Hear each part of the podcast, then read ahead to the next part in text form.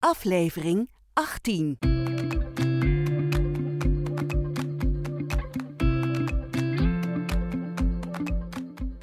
Dit is een podcast van Advocaten, Familie en Erfrecht met Inge Diepman en Joost Dix.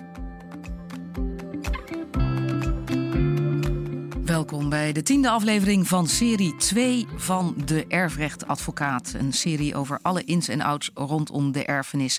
In de eerste serie stond de meest gestelde vraag centraal.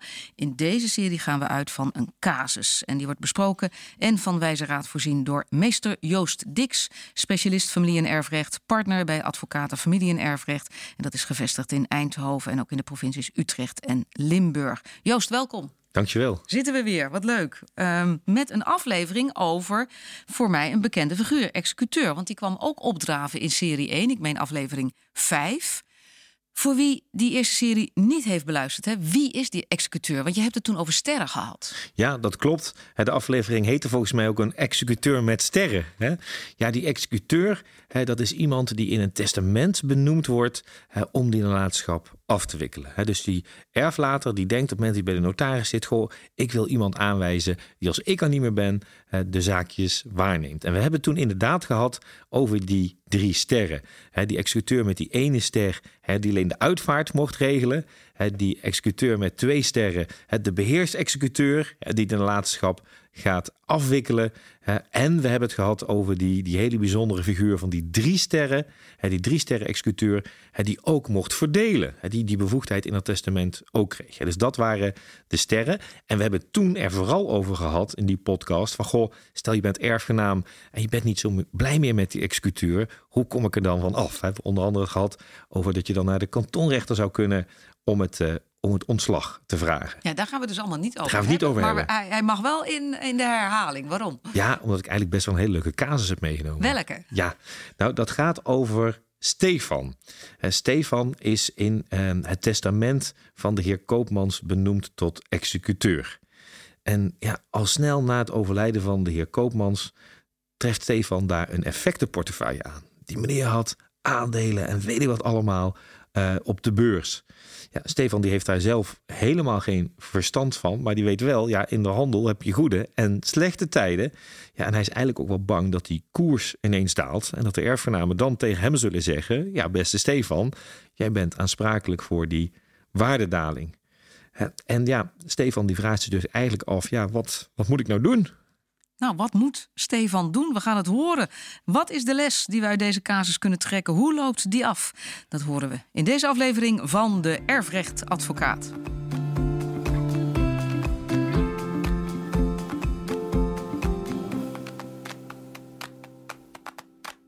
Allereerst, Joost, waarom is Stefan als executeur aansprakelijk voor de waarde van die portefeuille. Dus bijvoorbeeld als er sprake is van een koersdaling. Nou ja, Stefan wil in ieder geval ervoor zorgen dat hij niet aansprakelijk wordt. Dus het is niet gezegd dat Stefan voor elke koersdaling aansprakelijk is. Maar ja, Stefan is benoemd tot executeur, heeft die benoeming aanvaard en is daarmee dus privatief in zijn eentje bevoegd geworden over het beheer van de nalatenschap. En dus ook het beheer van de portefeuille. En als Stefan daar fouten zou maken, als hij het niet goed zou doen, en dat is ook hem te verwijten, ja, dan kunnen de erfgenamen zeggen: ja, jij was daar de baas, jij hebt een fout gemaakt en daardoor hebben wij schade geleden. Maar staat men daarbij stil op het moment dat je een uh, executeur benoemt in het testament? Want wellicht, ik bedoel, het is wel eens vaker zo dat in een erfenis een aandelenportefeuille zit, maar dat is niet het hoofdbestand of dat was men zelfs vergeten. Ja, in de jurisprudentie en zien we wel vaak dat. verstand van nee, deze financiële nee, zaken. precies. Maar in de jurisprudentie zie je vaak wel dat dat het spannendste onderdeel is, waar het meeste over uh, te doen is. Vooral natuurlijk als de beurs daalt. He, als er een, een koersstijging is, dan hoor je niemand. He, maar als de hele aandelenportefeuille ineens in elkaar stort, dan, uh, dan hoor je uh, de erfgenamen natuurlijk wel. Ja, dat weet de executeur natuurlijk niet altijd. Waar vaak wordt het ook gezien als eretaak. Je bent benoemd tot executeur en dan wil je dat ook graag doen voor degene die overleden is. Maar niet iedereen denkt eraan dat er ook wel wat nare kanten kunnen zitten aan het zijn van executeur. Maar je, je mag dus, je wordt benoemd tot executeur. In sommige gevallen is men dus zich niet bewust van het feit dat daar dus ook aandelenportefeuilles toe behoren, tot, tot de boedel.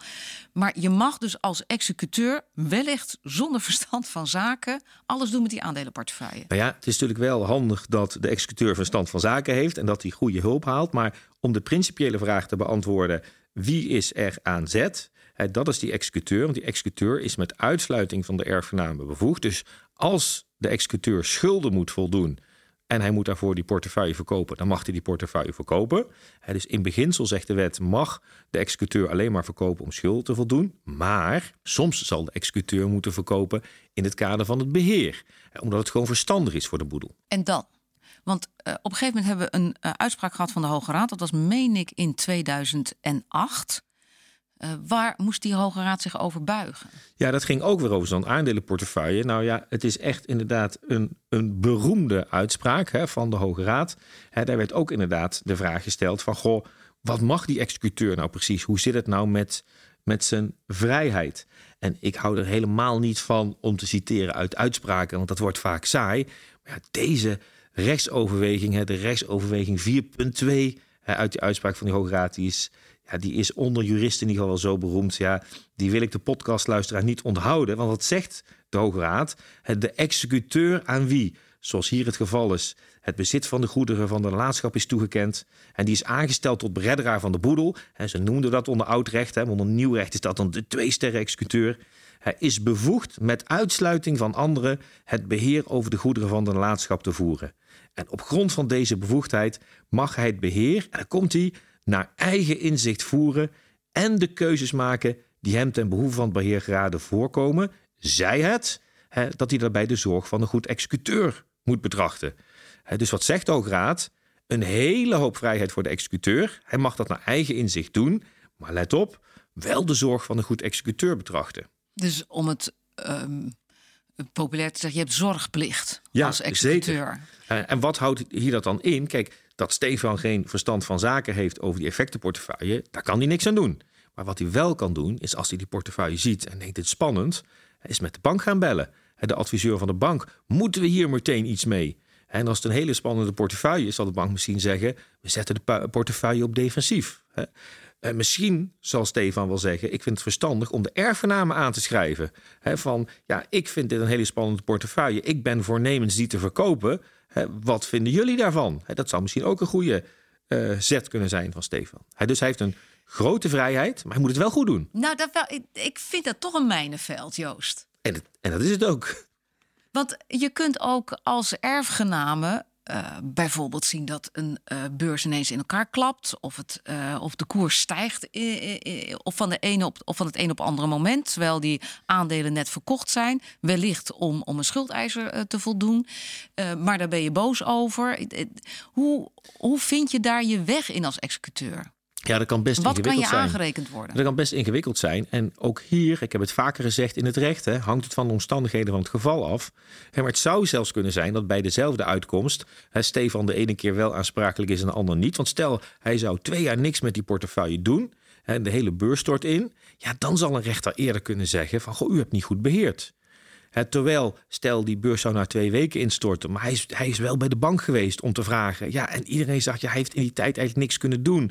Behalve misschien voor een wat defensieve portefeuille gaan. Ja, dan wordt er misschien geconcludeerd, hier kon hij niks aan doen. Dus niet elke koersdaling, uiteraard, is die executeur verantwoordelijk voor. Maar hij moet wel laten zien, ik heb mijn best gedaan. Kijkt de rechter anders naar uh, Stefan dan naar bijvoorbeeld jou kun jij als executeur. Ja, jij, jij kunt ook als executeur aangewezen kan worden. He, dan, de erfrechtadvocaat wordt al meestal niet als executeur in het testament aangewezen. Maar soms staat in een testament. Stel dat de executeur komt ontvallen, die is er niet meer. Dan mag de kantonrechter een nieuwe executeur aanwijzen. dus dan is de benoeming eigenlijk nog steeds afkomstig uit het testament. maar dan wordt even de hulp van de kantonrechter gevraagd. En dan wordt de, uh, wordt de erfrechtadvocaat, of soms een notaris, uh, executeur. Een notaris komt overigens veel vaker voor in een testament al. Ja, en dan is er natuurlijk heel veel jurisprudentie geweest na 2008. En er is een vaste lijn in te ontdekken die zegt de lat voor de professional ligt veel hoger dan voor Stefan-achtige types. dan voor de buurman. Dan voor misschien een kind. Dan voor, hè. Dus die lat ligt veel hoger. dus er wordt veel meer verwacht van de professional. Wat leren we uit die jurisprudentie als het gaat om die professionele executeur? wanneer zegt de rechter nee, hier is een uh, scheve schaats gereden? Ja, dat geeft, heeft vooral mee te maken met die die aandacht die de executeur uh, moet hebben. Hè. Dus de keuzes maken die hem geraden voorkomen, daar zit het niet zozeer in. Maar de zorg van een goed executeur. Heb je voldoende zorg besteed, zodat je niet aansprakelijk wordt. Daar, daar blijkt het uiteindelijk uit. Heb jij verstand van aandelen? Klein Oftewel, beetje. wat doe je? Nou ja, kijk, ik, ik zou als uh, verstandige executeur, maar voor de vereffenaar geldt natuurlijk eigenlijk min of meer hetzelfde. Uh, het is natuurlijk altijd van belang om je in contact te stellen met de erfgenamen. Hoe, hoe kijken die daar eigenlijk tegenaan? als het inderdaad gaat om een ingewikkelde portefeuille, is er vaak ook een vermogensbeheerder. Het is een bank die verstand van zaken heeft. Dus zo snel mogelijk informatie inwinnen en dan handelen naar wind van zaken. dat is belangrijk. Heel veel erfgenamen vinden het ook spannend dus die zeggen ook, beste executeur, beste vereffenaar, zorg maar dat je van die portefeuille afkomt. Wij zitten niet zozeer op een koersstijging uh, uh, te wachten, maar willen vooral die daling voorkomen. Dus een verstandige stap is van elke executeur naar de bank en zorgen dat die aandelenportefeuille op defensief gezet wordt. Ja, dat, kijk, in zijn algemeenheid kun je dat niet zo zeggen. Het hangt natuurlijk al vanaf waar je vandaan komt. Maar als het een hele spannende portefeuille is die elk moment kan instorten, zou dat een advies kunnen zijn. Het hangt natuurlijk ook van af wat die bank daar zegt. Maar de gemiddelde... Moet je dat allemaal vastleggen? Zodat je je later ook kunt verdedigen? Ja, want de executeur moet aan het einde van de rit rekening en verantwoording afleggen aan de erfgenamen. En dan is het natuurlijk prachtig als de executeur alle adviezen van de bank kan laten zien. Nou breekt Stefan het zweet uit, uh, nou echt, het breekt hem uit, uh, alle kanten. Uh, kan Stefan dan zeggen, sorry jongens, dit gaat mijn pet te boven, ik geef het terug ja, je zit niet vast als executeur. Hè, als je zegt, ik wil het toch heel graag doen uh, voor meneer Koopmans. Maar ja, uiteindelijk zie ik dat het nu mij toch te spannend wordt. Hè, en ook met al die adviezen durf ik het nog niet goed aan. Hè, dan kan hij uiteindelijk zeggen, nou beste kantonrechter, ontsla mij maar. En als de executeur bij de kantonrechter komt, van ontsla mij maar, zal de kantonrechter uiteraard altijd ontslaan. Is het uh, is, er, is er een tip te geven over wie je als executeur dan benoemt in je testament? Als je te maken hebt met dit soort uh, erfenissen, met een aandelenportefeuille? Ja, het kan natuurlijk best wel handig zijn om soms een accountant te benoemen. Of het kan best wel handig zijn om soms een advocaat of notaris te benoemen. Hangt helemaal af van de omvang en samenstelling van de nalatenschap. Maar ja, er zitten natuurlijk kosten aan, aan vast. Hè. Die, die zullen allemaal een tarief rekenen. Als het een wat een, eenvoudige nalatenschap is, zou je kunnen zeggen... Goh, misschien kan een familielid dat wel doen. Eén of meer kinderen misschien wel.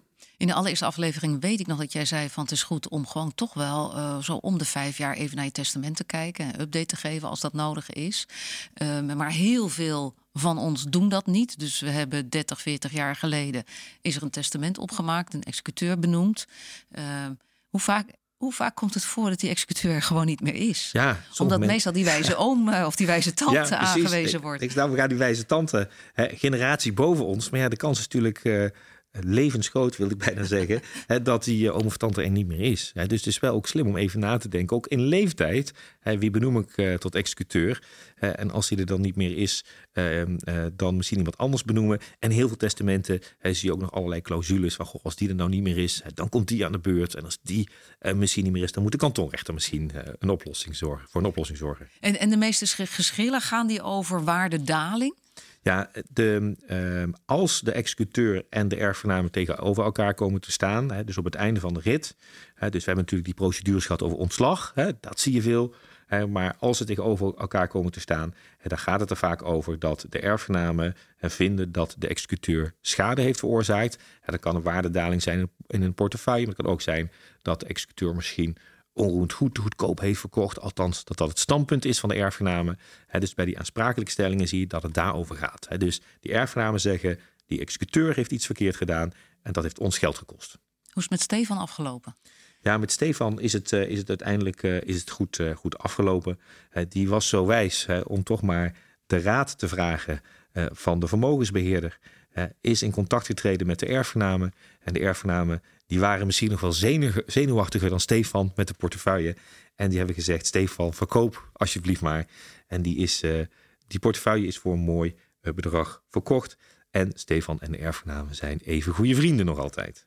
Meester Joost Dix, erfrechtadvocaat, wat is je wijze raad? Ja, de wijze raad is natuurlijk, en die heb ik een beetje geleend van de Hoge Raad, handel als een goed executeur. Voer het beheer naar eigen inzicht en maak de keuzes die geraden voorkomen. Maar betracht daarbij de zorg van een goed executeur. Ja, mooier dan de Hoge Raad kan ik het niet zeggen. Dank, meester Joost Dix. Ik verheug me op de volgende. Dank je wel. Voor wie niet alleen wil luisteren, maar ook wil lezen over dit onderwerp, ga naar familie-erfrecht.nl. Dat is de website van Advocaten Familie en Erfrecht. En daar vind je ook alle informatie uh, over, onder andere het inschakelen van een erfrechtadvocaat. Wil je reageren op deze podcast? Moet je vooral doen. Stuur een e-mail naar info@familie-erfrecht.nl en je kunt ook altijd een reactie achterlaten op iTunes. Waar gaat onze volgende aflevering over? Wel, die gaat over de verdeling van de nalatenschap. Ofwel, Joost gaat het hebben over drie kinderen, van wie er twee tijdens leven van moeder een ton hebben gekregen. En de vraag is: zien we die tonnen terug in de verdeling van de erfenis? Je hoort het in de volgende aflevering van De Erfrechtadvocaat.